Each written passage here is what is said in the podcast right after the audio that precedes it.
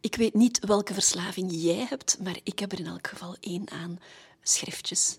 Notitieschriftjes, boekjes, kleine boekjes, grote boekjes, dunne boekjes, dikke boekjes, journals, dagboeken. En overal waar ik ga, of dat nu in het buitenland is of in een stad hier in België, overal ga ik op zoek naar nieuwe schriftjes. En bij elke gelegenheid past er wel een ander schriftje. En ik doe dat al sinds ik in het vijfde leerjaar zat. Mijn oudste dagboeken dateren van het vijfde leerjaar.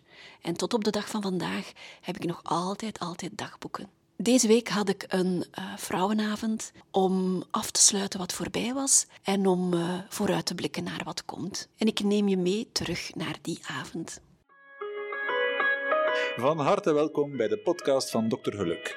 Een podcastreeks waarbij je weer een stapje dichter komt bij je allerbeste leven.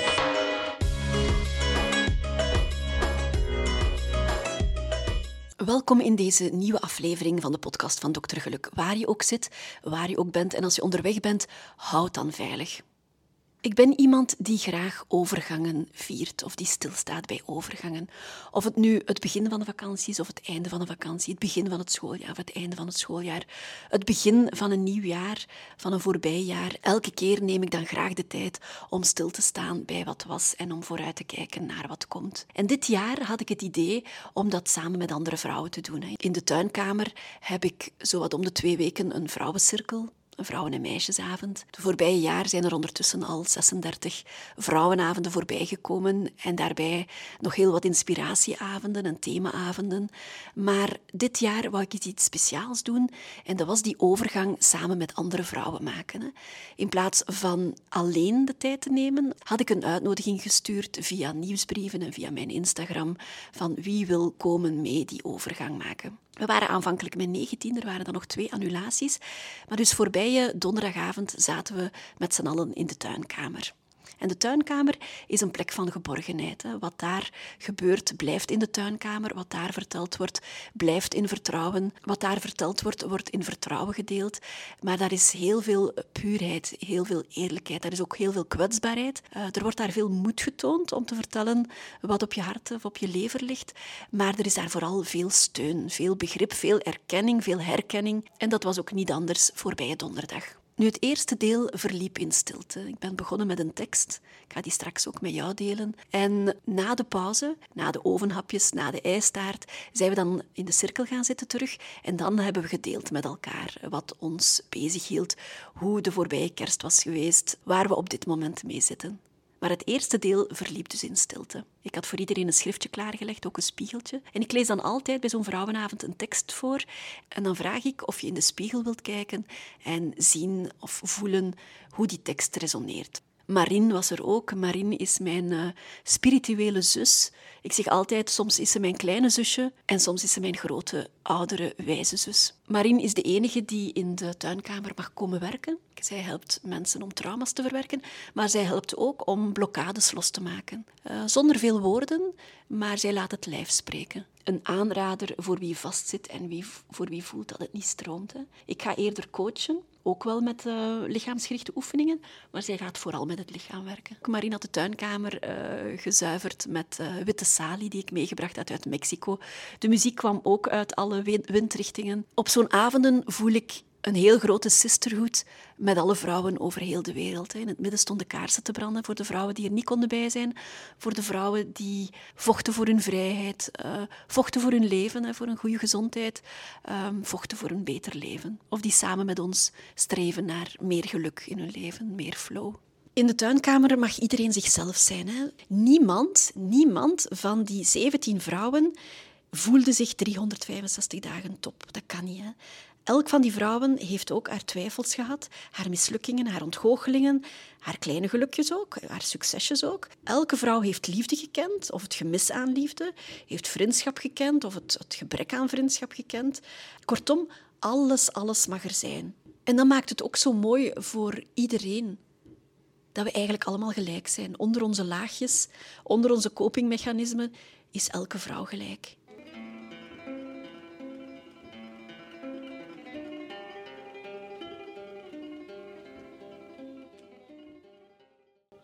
Waarom beginnen we een nieuw jaar met beloftes om het nog beter te doen? Wie begon deze traditie van oneindige druk? Voor mijn part moet het einde van een jaar gevuld zijn met felicitaties voor alles wat we overleefd hebben. Voor mijn part moet een nieuw jaar beginnen met beloften om vriendelijker te zijn voor onszelf, om beter te begrijpen hoeveel we als mens dragen op deze vermoeiende loopband van het leven. En als we meer willen beloven, laten we dan beloven om te rusten voordat ons lichaam ons daartoe dwingt. Laten we beloven om op tijd te stoppen en het leven te vieren terwijl het aan het gebeuren is. Laten we beloven om de laag van perfectie weg te halen en om onszelf te tonen. Kwetsbaar, proberend, falend, niet perfect, maar menselijk. Menselijk en wonderlijk. Wat als we zouden leren accepteren dat we altijd onvolmaakt zullen zijn? Want het is daar waar de schoonheid woont. En als we die schoonheid kunnen vinden, dan kunnen we ook rust vinden. Ik wens je toe dat je eerlijk kan zijn met jezelf over wat beter kon en niet zo fijn was. En dat je lief bent voor jezelf en mild voor de dingen die je wilt veranderen in 2024. Welkom bij deze reflectie. Vaak lees ik teksten voor aan het begin van zo'n vrouwenavond van Donna Ashworth. Die teksten resoneren heel vaak met wat ik voel en hoe ik in het leven sta. En soms pas ik die teksten wat aan. Soms laat ik dingen weg die dan niet zo passen. Soms voeg ik dingen toe die ik er zeker nog bij wil hebben. Als je samen met mij de overgang wil maken nu, en dat kan op eender welk moment van het jaar, dan nodig ik je uit om eerst eens diep te gaan ademhalen. Hè. Voel waar je zit. Voel dat je het hier en het nu bent. Hè. Voel hoe je zitvlak de stoel raakt of de grond raakt als je op de grond zit. Of het gras raakt als je op het gras zit. Zitten je schouders vast, maak die los.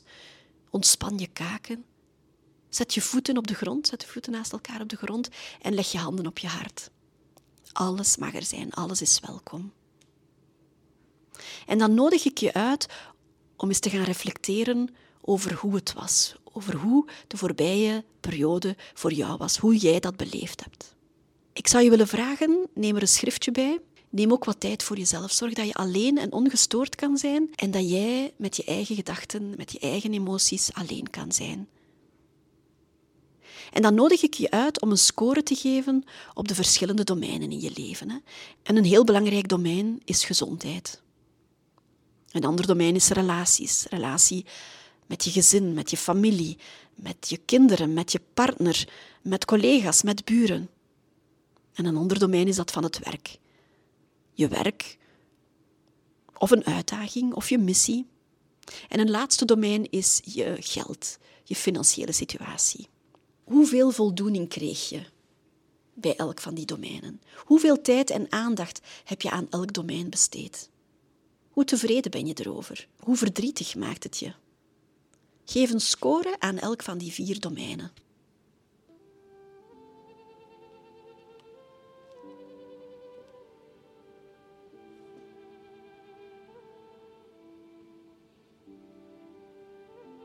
Als je een score gegeven hebt aan elk van die vier domeinen, probeer dan eens te antwoorden op de volgende vragen.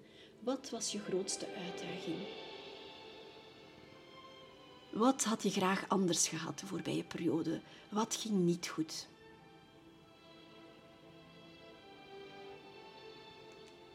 Je kan deze podcast op pauze zetten en op je gemak al deze vragen beantwoorden in je schriftje of in je boekje of in je dagboek.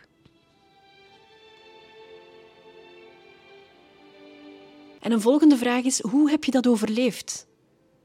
Hoe heb je die moeilijke periode overleefd? Hoe ben je die doorgekomen? Wat is de grootste les die je hieruit getrokken hebt? En welke mensen hebben hier een belangrijke rol gespeeld? Probeer dat rustig op te schrijven. Herinner je een periode waar het moeilijk ging?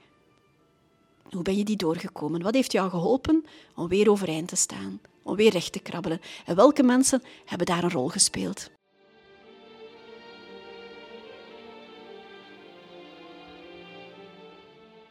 En als je een periode afsluit, dan is het ook heel belangrijk dat je dingen loslaat, dat je dingen achter jou laat, dat je die niet meer meeneemt, meezult in die rugzak die misschien toch al zo zwaar is. En loslaten is eigenlijk geen werkwoord, want loslaten is eerder stoppen met vast te houden. Beeld je in dat je een ballon aan je hand hebt En dat je die moet vasthouden. En er is heel veel wind en je moet heel veel moeite doen om die ballon niet te laten wegvliegen.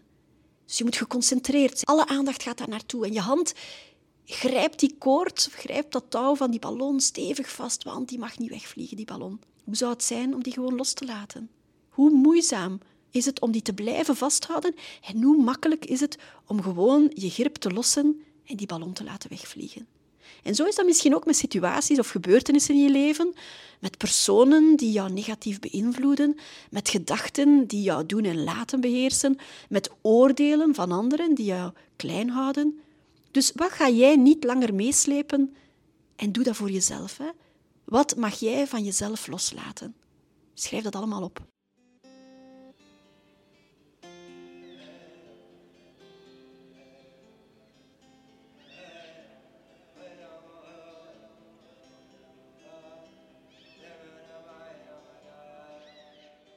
Wat wil je niet meer nodig hebben om verder te kunnen? Wat laat je achter jou?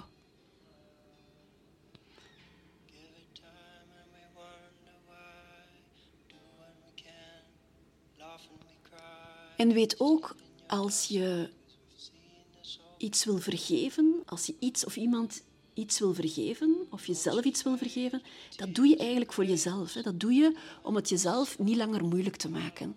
Want die ander die is daar misschien niet meer mee bezig. Die is die situatie of die gebeurtenis of die is die woorden al lang vergeten. Maar jij draagt dat altijd nog met jou mee.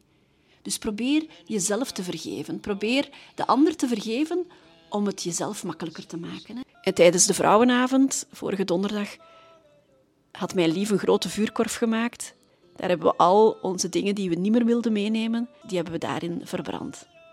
Weg ermee.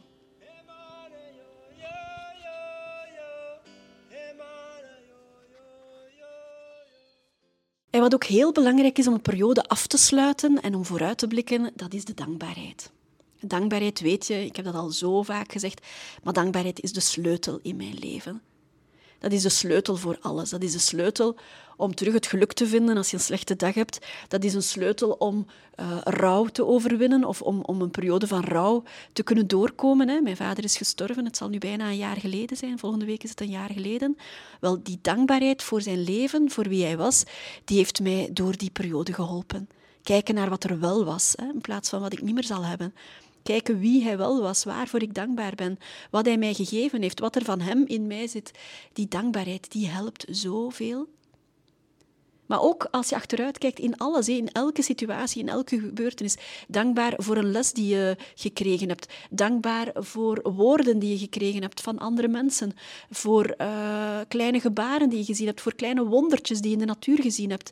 Uh, dankbaar voor de, voor de dingen van alle dag. Hè, van, van, voor warm water, voor elektriciteit, voor internet, voor eten, voor een bed, voor een dak boven je hoofd. En dankbaarheid is gewoon oneindig. Die lijst is onuitputtelijk en je kan nooit aan twee dingen tegelijk denken.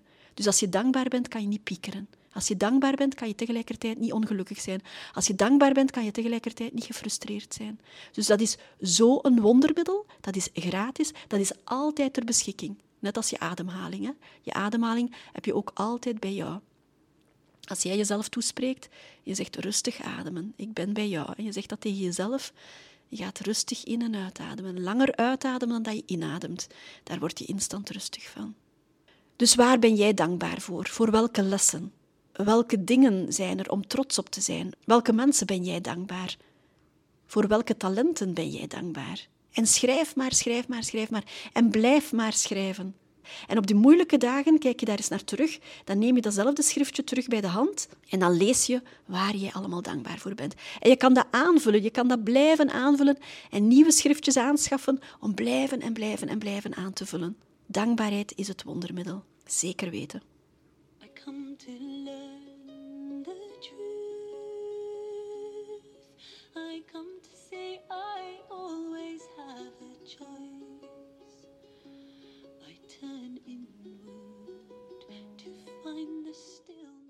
En blijf maar schrijven. Hè. Schrijven, schrijven, schrijven. Waar ben je dankbaar voor?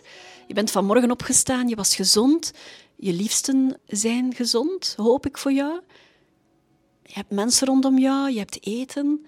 Je had misschien koffie of thee vanmorgen. Er was water uit de kraan. Schrijf maar, schrijf maar, schrijf maar. Wat is er allemaal rondom jou? Wat heb je allemaal? Wat is er allemaal? Wie is er allemaal? En welke talenten heb je allemaal? Welke ervaringen heb je allemaal? Blijf maar schrijven, blijf maar schrijven, blijf maar schrijven. En doe dat regelmatig. En als je in je bed ligt en je kan niet slapen, som dan in je hoofd op waar je allemaal dankbaar voor bent. Dat is de beste remedie om makkelijk in slaap te vallen. En om gelukkig in slaap te vallen. Hè? Zonder gepieker, maar met een voldaan gevoel, omdat dankbaarheid gelukkig maakt.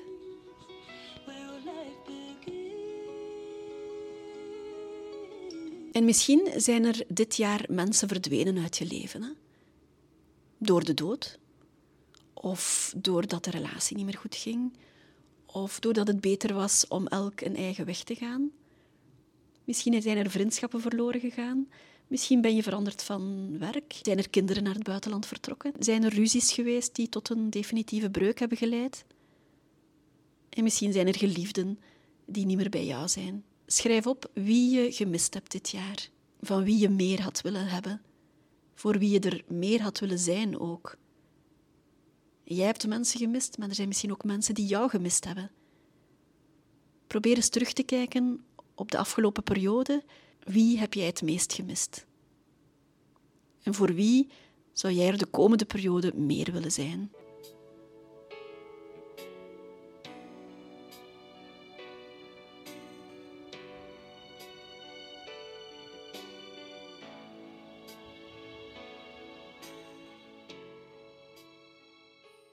En nu jij alles losgelaten hebt wat jou niet meer dient, en nu je weet waar je kan op rekenen, op wie je kan rekenen, nu je de lessen kent die je getrokken hebt uit al je ervaringen, wie wil jij zijn in de toekomst?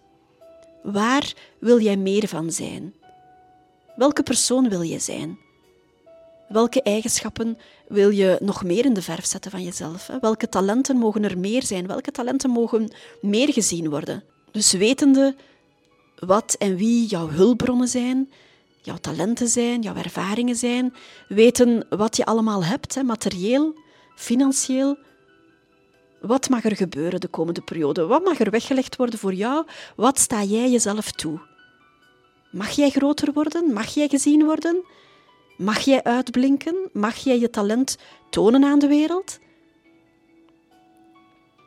En kijk nog eens terug naar die vier domeinen die je in het begin opgeschreven hebt. De score die je daaraan gegeven hebt. Wat is een stapje dat jij kan nemen om die scores te verbeteren? En probeer eens in één zin op te schrijven wie wil jij zijn. En dat is een zinnetje dat je elke ochtend voor de spiegel of in de douche voor jezelf kan herhalen. Een soort mantra Iets waar jij in gelooft, een soort voornemen. Ik wil meer zo iemand zijn. En probeer ook één woord te zoeken, een woord dat het thema is van jouw komende periode, jouw komende jaar, jouw komende vakantie, jouw komende job, jouw komende missie, wat er komt, wat er op jouw pad ligt. Eén woord en probeer dat woord altijd tevoorschijn te halen op dagen dat je het niet meer ziet zitten. Op dagen dat je de weg kwijt bent, of dat je twijfelt, dat je twijfelt aan jezelf, dat je twijfelt of het wel mag en kan, één woord als een leidraad voor de periode die komt. En doe een belofte aan jezelf. Hè. Mag jij worden wie je echt bent? Spreek dat met jezelf af. En een zinnetje dat ook helpt elke ochtend bij het opstaan en elke avond bij het slapen gaan, dat is het zinnetje ik ben goed genoeg.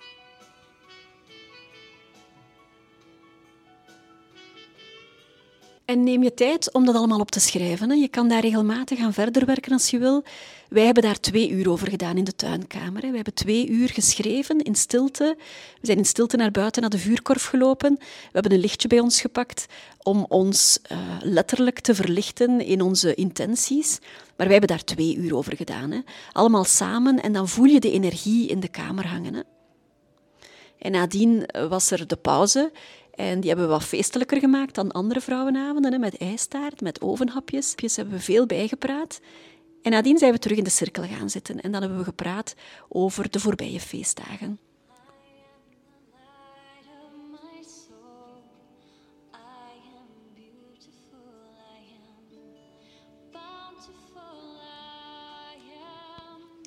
En muziek is altijd een belangrijk onderdeel van zo'n avonden. Muziek gaat meteen naar het onderbewuste. Je hebt geen tijd om na te denken, je voelt meteen iets. En wat er dan allemaal naar boven kwam toen we bij elkaar in de cirkel zaten, dat waren heel uiteenlopende dingen. Uh, er was iemand die zich heel fel geërgerd had aan een familielid. Meestal zegt dat iets over onszelf. Hè. Meestal roepen die ergernissen iets op uit onze eigen kindertijd. Iets waar we nog niet klaar mee zijn. En eigenlijk is dat een heel mooie les. Wat toont dat? Wat toont die ergernis ons? Welke spiegel krijgen we hier? Er was iemand die zich ook geërgerd had aan haar mama. Hè. Eens je bewust bent van de dingen die je tekort gekomen bent of wat je moest doen om je liefde of je aandacht of je erkenning te verdienen bij je ouders. Eens je daarvan bewust bent, kan je dat niet meer ontkennen. Je kan dat niet meer negeren. En op momenten ja, van familiefeesten kan je elkaar natuurlijk ook niet ontlopen. Hè. Je bent nu eenmaal tot elkaar veroordeeld aan die feesttafel. En je kan niet weglopen van jezelf of van die andere personen. Er was ook een Braziliaanse mevrouw in de cirkel en zij zei, ja, wij hebben dat niet zo, want wij hebben zoveel volk op die feesten dat je nooit met maar tien mensen aan één tafel zit. Dus uh, die ergernissen zijn er minder, omdat er zoveel volk is, ja, dat je altijd wel mensen hebt die je kan opzoeken. Er was ook een vrouw wiens mama op dit moment heel slecht is. Zij heeft een kanker die niet meer te behandelen is. En zij staat dus voor een nakend afscheid met haar mama. En het was heel mooi hoe andere vrouwen haar moed gaven en haar raad gaven van neem die tijd met je mama, neem zorgverlof, neem palliatief verlof, zorg dat je bij je mama bent, want die tijd komt nooit terug. En die periode van rouwverwerking gaat zoveel makkelijker zijn als jij nu dicht bij je mama bent. Dus de steun die dan uit de groep naar voren komt, die is gewoon onbetaalbaar. Zelf had ik ook een periode van... Ja, toch wel wat crisis achter de rug. Een periode waar ik heel fel geconfronteerd ben met mijn eigen blinde vlekken. Je weet dat ik ga praten met een psycholoog regelmatig, dat ik in psychoanalyse ben, dat ik ook lichaamswerk doe, dat ik ook heel veel aan zelfontwikkeling doe. Maar toch, dan nog, heb ik ook mijn blinde vlekken, zoals iedereen. En dat is heel confronterend als iemand mij daar dan op wijst, iemand die ik heel graag zie, als die mij dan confronteert met mijn blinde vlekken. En als blijkt dat ik zelf gekwetst heb, zonder het te willen. Dat is heel confronterend. En dan uh, heb ik ook weer de pijn gevoeld. Hè? De pijn van uh, graag gezien te willen worden en de pijn van goed willen gevonden te worden, hè? van goed genoeg te willen zijn. En ik denk dat dat iets universeel is, dat iedereen goed genoeg wil zijn, dat iedereen graag gezien wil worden, dat iedereen er graag bij hoort. En omgaan met kritiek, dat is niet makkelijk. Maar het is daar waar de groei begint. Hè. Iemand die jou wijst op wat niet goed gaat, op wat beter kan, daar zit het grootste potentieel voor verandering en voor groei in. Dus kerst was niet mijn beste periode, maar was wel een periode van heel veel reflectie over hoe het beter moet. Het was ook de eerste kerst zonder mijn vader. Volgende week zal het een jaar geleden zijn dat hij gestorven is, dus ook heel confronterend. Hè. Er waren nog mensen in de cirkel die iemand verloren hadden. Hè. Er was iemand voor wie het de eerste kerst zonder haar moeder was. Dat zijn natuurlijk heel confronterende feestdagen, want hè, kerst is een feest van verbinding, uh, van samen zijn, van familie. Er was iemand wiens beide ouders al op haar jonge leeftijd uh, gestorven waren. Uh, ja, die mist haar ouders natuurlijk heel fel, ook al is dat al 20, 30 jaar geleden. Hè. En dan was er ook iemand, dat was een heel mooi verhaal, een vrouw die twintig jaar alleen was geweest, die elke kerst alleen had doorgebracht en die nu een grote liefde had uh, gevonden. En het was haar eerste kerst met haar lief. Uh, ze had veel cadeautjes gekregen, ze had tijd en aandacht gekregen, dus zij was heel, heel blij met haar mooiste kerst ooit. En zo zit iedereen op een ander punt in zijn leven. Hè. De slinger gaat van links naar rechts, de beweging van het leven gaat op en neer. En soms zitten we helemaal van boven, op het toppunt van geluk. En soms zitten we heel diep en slaat alles tegen. Maar er is altijd weer een komen en een gaan. Er is altijd weer een vallen en een opstaan. En dat maakt het zo mooi. En dat is ook het mooie van een vrouwencirkel. Dat we elkaar kunnen tonen dat we ooit daar zaten waar de ander nu zit. En dat we ooit ook weer naar boven kunnen klimmen. Dat we daar zelf het beste voorbeeld van zijn, of dat de ander daar een voorbeeld voor ons kan zijn. Ik hoop dat je dat ook altijd kan blijven zien. De kracht in jezelf, de kracht om altijd weer rechtop te krabbelen. Ik wens jou een mooi nieuw jaar, een mooi nieuw begin. Geloof in jezelf, jij bent goed genoeg.